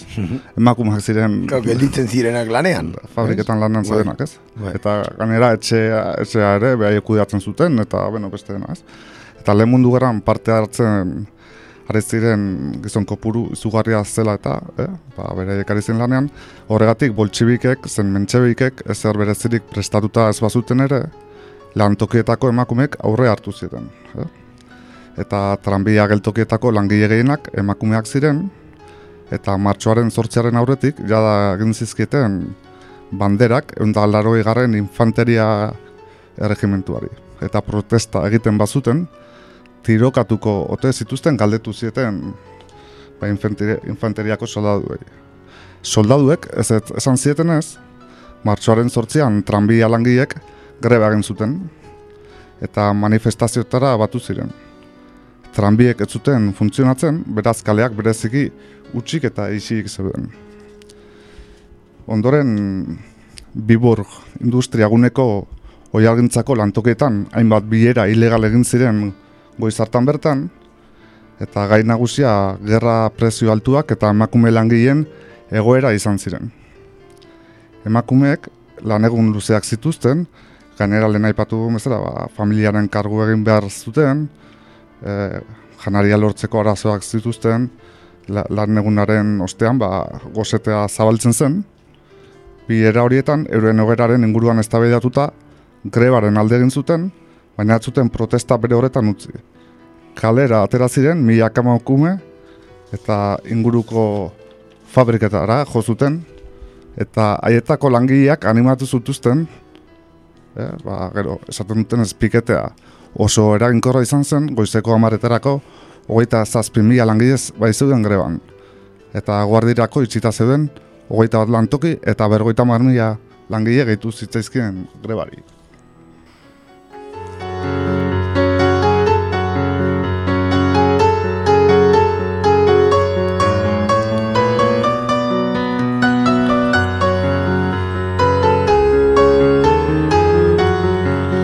Beraz, naharmentzekoa iraultza boltsebikearen e, komponente feminista, ez da? Hori da, bai, eta ze jarraituz, emakumeak ba, fabriketara sartzen ziren, ateak kolpatu, elur bolak jaurti, eta grebara batzen ez, ez baziren, ba, harri zein burdintzatiak botaz, greban parte hartzera deitzen zituzten. E, eguna bukatu zenean, ia iruroi mila gizon eta emakume zeuden greban, biurgen, e, e, e, industri eremuan, eta langileen euneko irurogeita batak e, ba, hartu zuen parte. Guztia, larogoi mila, larogeita mila barkatu, pertsona inguru zeuden manifestazioetan. E, goizean kalera atera zirenei, metalurgia eta gerra industrietako langileak ere gehitu zitzaizkien. Boltsebike batzuk, ez zeuden pozik egoerarekin, e, greba batzordeak erabaki zutelako ez zeugela kondiziorik greba orokor bat mantentzeko, Hala ere, laster eman zioten buelta egoerari eta greba baliatu eurak beren ideiak txertatzeko, ez? Osea, batu egin ziren beraiek ere grebara. Eta manifestazioak hiriaren erdigunera iritsi zirenean, ba, janaria lortzeko iaran zeuden emakumeak manifestazioetara batu ziren, eta espontaneoki mobilizatu ziren monarkiaren aurka, eta gerra bukatzearen alde iztiluak ekiditeko agintariek bulego eta den den itxiera agindu zuten. Horrek, iaran zeudenak zutu eta dendetako langileak manifestatzera eraman zituen.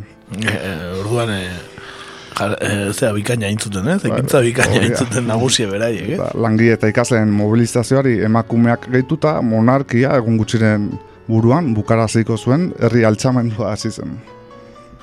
Bai, esan duguna, pizgarri, orduan, ez? Bai, bai. Iraultzaren pizgarri. Hori, eta mila behatzireun da mazazpian urriko iraultzan boltsebikek botere hartu zutenean, ba, martxoaren sortzian nolaz, jai egun nazionala izendatu zuten, nola ez? Nola ez. Bai, e, kuriosoa, e, beine pentsatu gabe negoen, e, piketeak egiteko e, ondo dagola baita elur, elurra. Elurbolana. egitea. Hemen eta igu tokatzen, eh, gehienetan. Bai, Hemen ez duguna da detaileri galtzen. Badaukate abantai hori bai, on Rusian. bai piketeetarako, ba, elurbolak, eh? E, ondo, ondo. Beti tresna eraginkorra, ez da?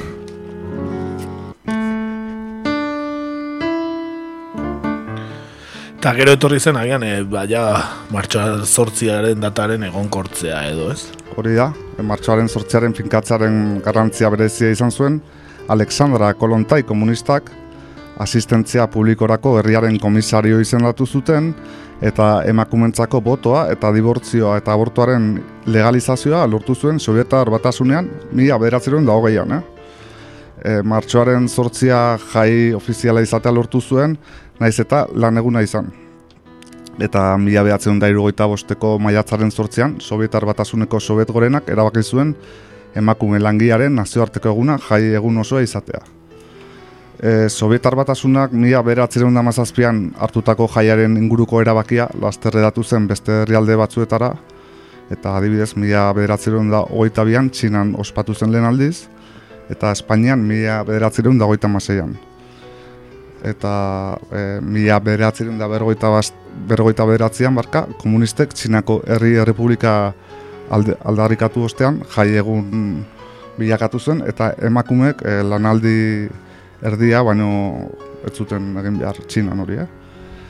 Eta irugoita ma bostean, nazio batuen erakundeak emakumearen nazioarteko urtea ospatu zuen, eta bi urte beranduago, irurogeita mazazpiko abenduan, nazio batuen batzar nagusiak, ogeita mabi marra unda bergoita bi erresoluzioa onartu zuen herrialde guztiei, bakoitzak bere ohitura eta historiari kasu eginez, nazioarteko emakumen eguna ospatzeko deia eginez. Helburua emakumeen eskubideak eta nazioarteko bakea aldarrikatzea zen. Eta gutxinaka, ba, herrialde askotan deialdi hau agendan gehitzen joan zen. Beraz, gaur egun ezagutzen dugun e, martxoan sortziren eredua, Sovietar batasunean hasi zen, eh? Mm -hmm. Ez dakite, ciudadanosak jakin nahi bazuten. Neiko bitxia badiru dio, ez da, eta beste hainbatek, ez da, ciudadanoseko kideak eta beste hainbatek. Hori da, eta e, jai eguna zela, Sovietar batasunan e, hemen ez den bezala. Bixo bera. Eta atzo jai eguna izan igandea zelako. Bai, bai, bueno, pentsatuko dute Twitterrek asmatu zuela, ez? Hori da, hori da, hori da, Facebookek, edo. Facebookek, Bai, Chicagoko eskolak, seguro. Segura, eskio, Bertino Osborneko, jendizu. Eh?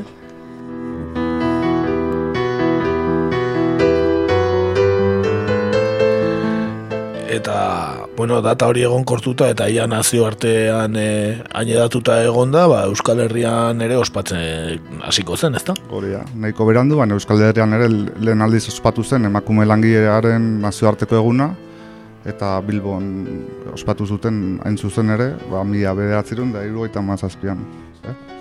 Mm Eta gero ja ezagutu ditugun egun horiek eta orain e, bi urte e, bueno, berrikuntza modura naiz eta entzun dugun moduan e, historian zehar horrela hasi zen ba, greba feministe gaia etorri zen ez eta nazio artean e, ba, orain bi urte egintzen lehen aldiz aspaldik urte edo, edo nazio artean horrela hain koordinatuki ba, greba feminista, ez? Hori da, hori da. Mila, oza, barkatu, 2018ko martxoaren sortzirako, emakume feminista taldek nazioarteko deialdia egin zuten, emakumearen egunean, emakumen diskriminazioa eta tratu txarrak salatzeko ba, mundu osoan protesta eta lan usteak deituz. Erantzun zabala izan zuen mundu osoan, baita Euskal Herrian ere, egun osoko grebak egin etzirenean, ba, lana hortu batzuetan utzi zen, eta bestela, ba, elkarretaratzeak eta manifestazioak antolatu ziren, erakunde publiko ugarik bat egin zuten, eh, hori bai, Euskal Herrian alderdi ia guztien eta sindikatuen oniritziaz eta babesaz, salbu eta PPko buruzagien mhm. jarrera ura, ez? Eta ez da aldatu, ez? Azken bi urteetan ez da aldatu kontua gehiagi, ez? Ez. Zona, eta oi hartzun handia izan du, mobilizazio ikaragarria, emakume asko kalean, ez? Aldarrikapen asko, eta alderdien aldetik eta ba, besantzeko instituzioetatik eta. Bai, bai, bai agian e, anekdota modura ikustea atzoko e, teleberrian e, EAJ-ko kideak bilboko manifestazioan eta eta elkarrizketatzaia EAJ-ko logoa zuen e, mikrofono batekin, ez? eta garrigarria. Oso, imper, oso improvisatua dana. Bai, bai, hori da, hori da. Bai, momentuan nola suertatu zen eta tira, ez? Bai, momentuan sortatu zen eta, bueno, e, Espainian liberalak bota egite dituzela manifestazioti, baina Euskal Herrian e, bertan daude, eh? Euskal liberalekin ez da arazori egoten, eh? Ez, ez, hemen Euskal Oasia bak izue. bai, eta... ia, e, aurreko urtera joko dugu, ba, goratuko zarete, 2008 garreneko Euskal Herriko greba feminista, e, hetero patriarkatu kapitalistari planto lemapean egin zuten, eta martxoaren zortzirako Euskal Herriko mugimendu feministak e, grebara deitu zituen emakume boiera eta transak, e, patriarkatuak zapaltzen dituen subjetu anitzak direlakoan. Aurreko urtekoan bezala, eguneroko normaltasunarekin apurtu eta hiriak herriak zen auzoak geldiarazteko, ez kontsumitzera ere deitu zuten, eta greba feministaren egunetik aratago, ba, kontsumo ereduaren inguruko hausnarketa proposatu eta kontsumo arduratsu eta jasan, jasangarria garatzeko deiare egin zuten. E, greba bost ardatzetan antolatu zen, bai pensionistak, ikasleak, zaintza, enplegu eta kontsumo greba feminista, eta deialdiak jarraipen zabala izan zuen Euskal Herrian. Eh? Bai, bai, izugarria atzokoa desberdina izan zen, ba, jaieguna zelako, igandea zelako, ez da? Baina, bueno, ala ere, kaleak lepo, lepo, eh? Igandea eta kampaina dekatu da. Bai, hori ere, bai, hori ere. Bai, bai, bai, Baina, bueno, egun, egun hori alderdiek eh, ondo erabiltzute kampainan egon edo ez, ez da? Hori da, bai, bai. Gustatzen zaie, bai. Bai, bueno, abestitxo bat jarriko dugu? Eta pizkat e, aipatuko e, emakumen nazioarteko eguna zer dan e, gaur egun. bai nola zer ospatzen den eta ez mm ba esango e, jai, jai egun ofiziala da adibidez Afganistanen Angolan Armenian Azerbaijan Bielorrusia Burkina Faso Kamboia Txinan. Baina Txinan entzun emakumentzako baino ez. E, gero Kuban Georgian, e, Ginea Bisaun, Eritrean, Kazajistanen, Kirgistanen, Laos eta Macedonian ere emakumentzat, baina ez. Gero Madagaskarren, baita soilik emakumentzat, gero Moldavia, Mongolia, Nepal, Errusia, Tajikistan, Turmekistan, Uganda, Ukrainan, Uzbekistan, Vietnam eta Zambian.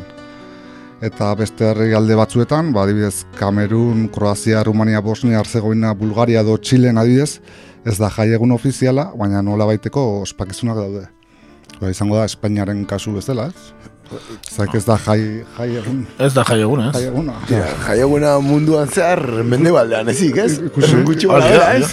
Bai, bai, bai, di, mendebaldea dela, ez? Aurrera tuena, egolako gauzatan, eta gero ikusten duzu bestelako herrialdeak, eh, bueno, auspatzen dutela eta eta ia, ia esan daiteke mende baldean baino, ez, hobeto edo desberdin bai bintzen. Bai, bai. ofizialki jai egun bezala hartu eta bentsa simbolikoki ba zerbait, e, gero...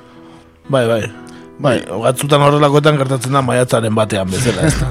Langileen eguna jai dala eta gero ez da laborroka eguna. Hori da, hori da, bai hori ere egia da. Bara, abestitxoa jarriko dugu orain bai, atalarekin bukatzeko. Ba, ekarri dugu Atzo gure plazetan ere entzun izan genuen uh, urretxuko urretxu zumarrako taldea, alarma morea, eta aurreko udaran atea zuten ez, bit, ez beti da ez abestia, beraz abesti honekin e, utziko zaituztegu eta sare sozialekin e, bueltatuko gara.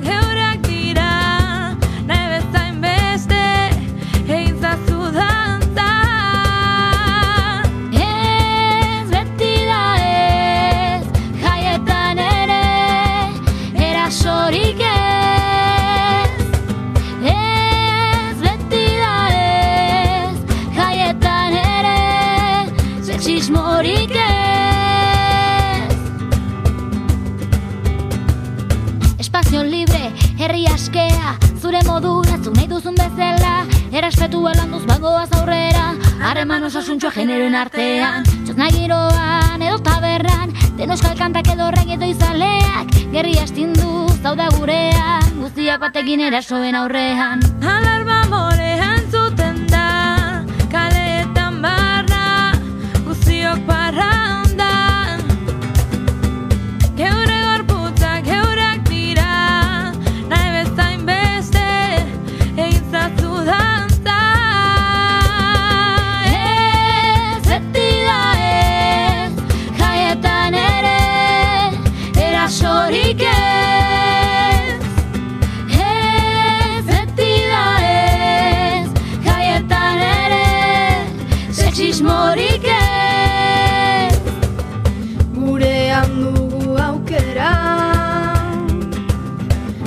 Gozatzeko inor mindu gabe Denen ardura izango da. Etxera dantzan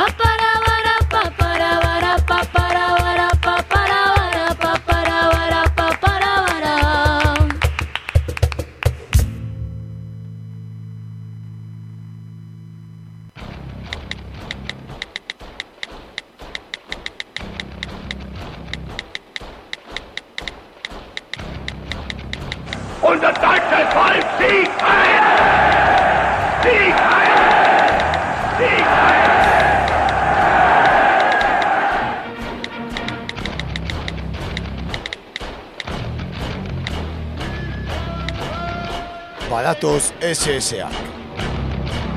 Sare sozialetan egur.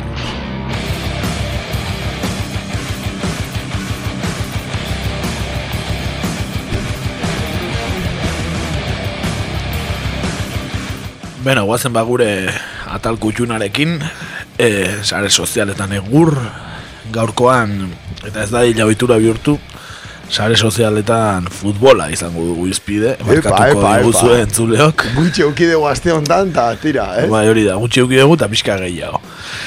E, bueno, horregatik ez, jakingo dezue entzule guztiok, Espainiako errege jaunaren omenez egiten den kopako finalera bi euskal taldelea e, salkatu direla, ezta? Erreala eta Atletik, ez? Bi euskal talde nagusiak esan dezagun, ezta?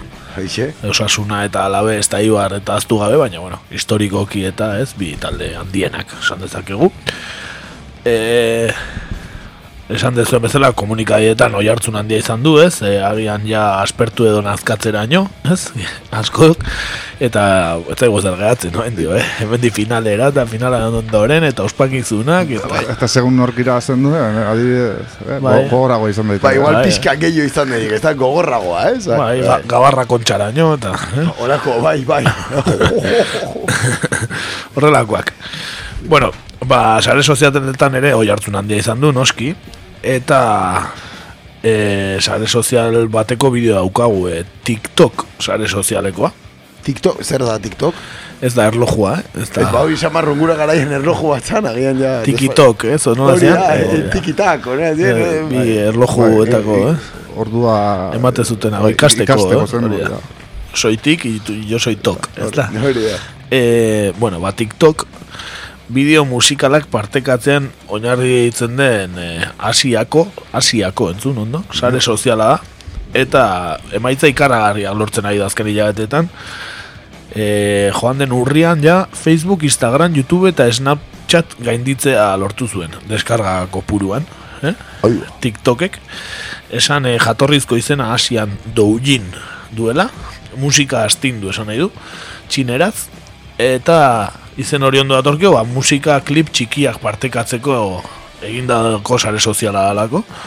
Txinatik kanpo ordea ba, TikTok izen hartzen du, eta ba, hori Androiden eta era guztietan erabili daiteke. Eta funtzionamenduari dagokionez, ba, TikTokek minutu bateko bideoak sortzen uzten dizu, editatu indaizkezu, eta hainbat efektu eman, e, eta baita adimen artifizialarekin edo, ba, jarri ba, ikusiko zituzten katu belarriak eta olako kontuak. Bai. Ba, olakoa jartzeko eta ba, filtroak eta erabiltzen dituen e, sare sozial berri bat da, ba, gazteenen artean oso modan dagoen. Eh? E, TikTok. e, Baina argituta zer dan, ba, bueno, zergatik ekarri egun euskal futbolari referentzia egiten dion bideoa, bueno. Ba, nahiz eta esan dugun TikTok bideo musikalak igotzeko dala, ba, danak ez dut horrela biltzen, eta gure ondorengo protagonistak, e, Andaluziako nerabe bat da, ez dakit bere izena. Baina, bueno, ba, bere futbol analisiak eh, emateko, ez, edo egiteko erabiltzen du TikTok, eta bideo bikaina lortu dugu sare sozialetan, entzun dezagun, lehenik eta behin, eh, bere bideoaren hasiera, eh, pa empezar. Yo tenía que hacer este vídeo. Bueno, para empezar un saludito a los hijos de puta de los vascos de tarras de mierda. Para empezar, hijos de puta. Hori pa empezar, Pa eh. empezar, eh, joder, entrante.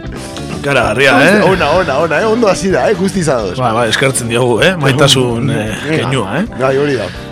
E, bideoak aurrera jarraitzen du eta oe, ba, futbol analisi sakona dator ondoren, ezta? E, imaginatuko ez bezala, ba, ia Nasari Altunaren pare, ezta? ETB-ko Nasari Altunaren pare, izugarrizko analisia egiten digu, kasu honetan, Aletik eta Granadaren arteko partiduaren gatik, entzun dezagun. Ayer todo el mundo diciendo, hemos ganado a Granada, hemos ganado a Granada, una polla, os han, os han machacado, lo que pasa que tuvisteis suerte, perros, que sois unos perros. Márcanse os entre a todos los jugadores y al cargo del entrenador, me cago en su puta madre. Yo no tengo mal perder, pero así no se juega el fútbol, señores, así no se juega el fútbol. Así no se juega al fútbol, ¿eh? Al fútbol. Eh, eh, Y eso que no tengo mal perder. Eh, no, es que rack, es que rack, eh. ¿Eh? Es que No, rack. por, por el carbo eh, del entrenador. El carbo del mal cáncer los entra a todos. Cáncer nos eh, entra a todos. Joder, eh, tipo filósofo, hutsa. Bai, bai, bai, karagarria. Eh, ba, horrelakoak esaten jarraitzen dut, no, eski, izan dugu TikToken bideoak minutu bat irauten dutela, orduan, ja, amaitu iten da bideoa. Eh, agur bikaina botatzen digu Euskaldunoi batez ere, ba, andaluz nerabe txatxu honek, entzun dezagun.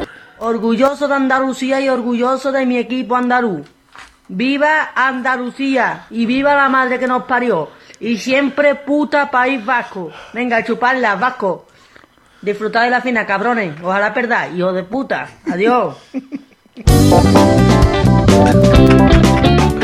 Erra, eh, disfrutar de la final. Ojalá perdáis. Ojalá perdáis, dago. zaila dago. Zaila dago. Vital de Euskalduneon.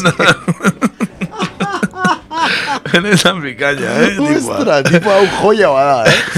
O, hau ez apuntatuta. Aurki eramango dute kirol tertulietara. Bai, bai, hola- holako maila dago, eh? Kirol tertulitan holako maila dago, eh? Ba hori, eh? Euskal finalera go- gonbidatuta daukagu, eh? Oso ona, oso ona, jode. No, jarraituko dugu, eh? Bere bideoak, eh, ea, ez? Eh, ba, gehiago igotzen dituen, eh? Holako futbol analisiekin, eh, futbol zaletuko gara denok, ez da? O, bai, akaso etorkizuneko Carlos da, eh? Nor daki, eh? Bai, bai. Carlos kara- Iturgaiz berria. Eh? Bai, bai. Eh, ba hori, eskerrak, eh? Euskaldunon partetik, olako laudorioak botatzeagatik. Ni esker, eh? egiaz beteriko bideo horrengatik. Hori da, hori da. Eta honek eman digu izpidea, ba, Twitterren galdera egiteko. Hoixo, era. Eh, eh, esan aurreko astean bidali genuela ea zein e, bueltatzen nahiko zenuten behin Carlos Iturgaiz politikara bueltatu zela jakin eta gero eta Ziklos Iturgaitzek irabazi duela goenkale, eui golea daz, barka? Goenkalek ez duela bozka bakarra jaso, inorrek ez duela goenkale bueltatzen, eh? Jaunda jabe bai, eta hemendikat ere bai. Hemendikat ere bai, jo. eh, Baina bai, goenkale inorrek ez du nahi. Az- Aspertu ziren, ez? Bai, bai, nahikoa urte gontzan, eh? Gaina Maria Luisa hiltzitzaigun, ja, ez dauka ez gatzez piper, ez? Agia, goenkale montatzen. Bueno, e, eta aparte, goldenak min asko egin zuen herri honetan, ez? Bai, bai, bai, hori da. E, bai, mendikat e, ikaragarri. e, bueno, ba, galdera berria, da, e, Espainiako errege kopako finalari buruz. Eta ea, gure entzulek, e, ze uste duten egin beharko dutela realeko eta atletikeko zaleek, estadioan e, daudenean, finalera joaten direnean, e, ba, aldin eta koronavirusagatik ez badute e, e, izten estadioa, edo, O bertan bera utzi. edo bertan bera utzi. edo. Ka- Kasu honetan, korona virusa bertan izango da, Bai, bai, ko- korona bai, bintzat, eta virusa... eh, Bai, fo- Fokua ber- bertan egongo da. Bai. Ba, da, Epizentroa. Epizentroa hortxe, eh? Hori seguru. Bueno, ba, guk lau aukera, aukera ditugu, ba, ea zer egingo lukete, egin beharko luketen e, Errealeko eta Atletikeko zalek Espainiako Errekopako finalean. Alde batetik estadio hau txikutzi, ez? polita. Ja, jokatu finala edo ez da arazalik, eh? Bestetik, e, e, danak batera eusko gudariak abestu. Eh, gara- hartan lege betzarrean bezala. Hori da, hori da. ez, Gernikako egin, no, ez? bezala. Edo futbola azten denean zelaira salto egin eta partidua eten. Edo denak giraldila zatera. Zatio, giraldila izan zan kartuja estadio berberean da finala, ez? Gogoratzeko moduko efemeridea, eh? Bai, bai, bai, bai, aukera polita izan daike, eh? Beraz, e, bueno, hortxe da gure galdera eta erantzunak eta aukeratu nahiago dezuena eta aur, erantzun hobe bat baldin baduko ez ere erantzun mesedez. Horrela, xe, eh? Eskerrak eh, gure lagunari, eh? eh? Andaluziako gure lagun honi. Yo tenía que hacer este vídeo. Bueno, para empezar un saludito a los hijos de puta de los vascos etarras de mierda. Para empezar, hijos de puta, Hola, para empezar. Y Pa para pa eh? acabar. Y pa acabar, eh? Eh? Xe. Eh, hemen eh, bukatzen da. Eh, abestitxo bat jarriko bukatzeko, ba, bueno, igu Andaluzian denak ez direla horrela, eta asko maite dugu Andaluzia irratxa gabe. Eta Andaluziako talde bat ekarri dugu, Pony Bravo. Eh, Ope. Aste hontan gainera Euskal Herrian jotzen duten Pony Bravo. Eta bere abestia, ba, irratxa hontan asko maite dugun pertsona baten abestia, Dick Cheney dena. Orduan Cheney abestia, Pony Bravoren arekin agurtzen gara. Eh, andaluz guztiei eskenia edo bintzat eh, andaluz jator guztiei. Hoixo bera, ba, esan dakoa, gaiztoki izan eta horrengo astelaren entzuten ga. Hori da. Hori da, astona pasa. Agur.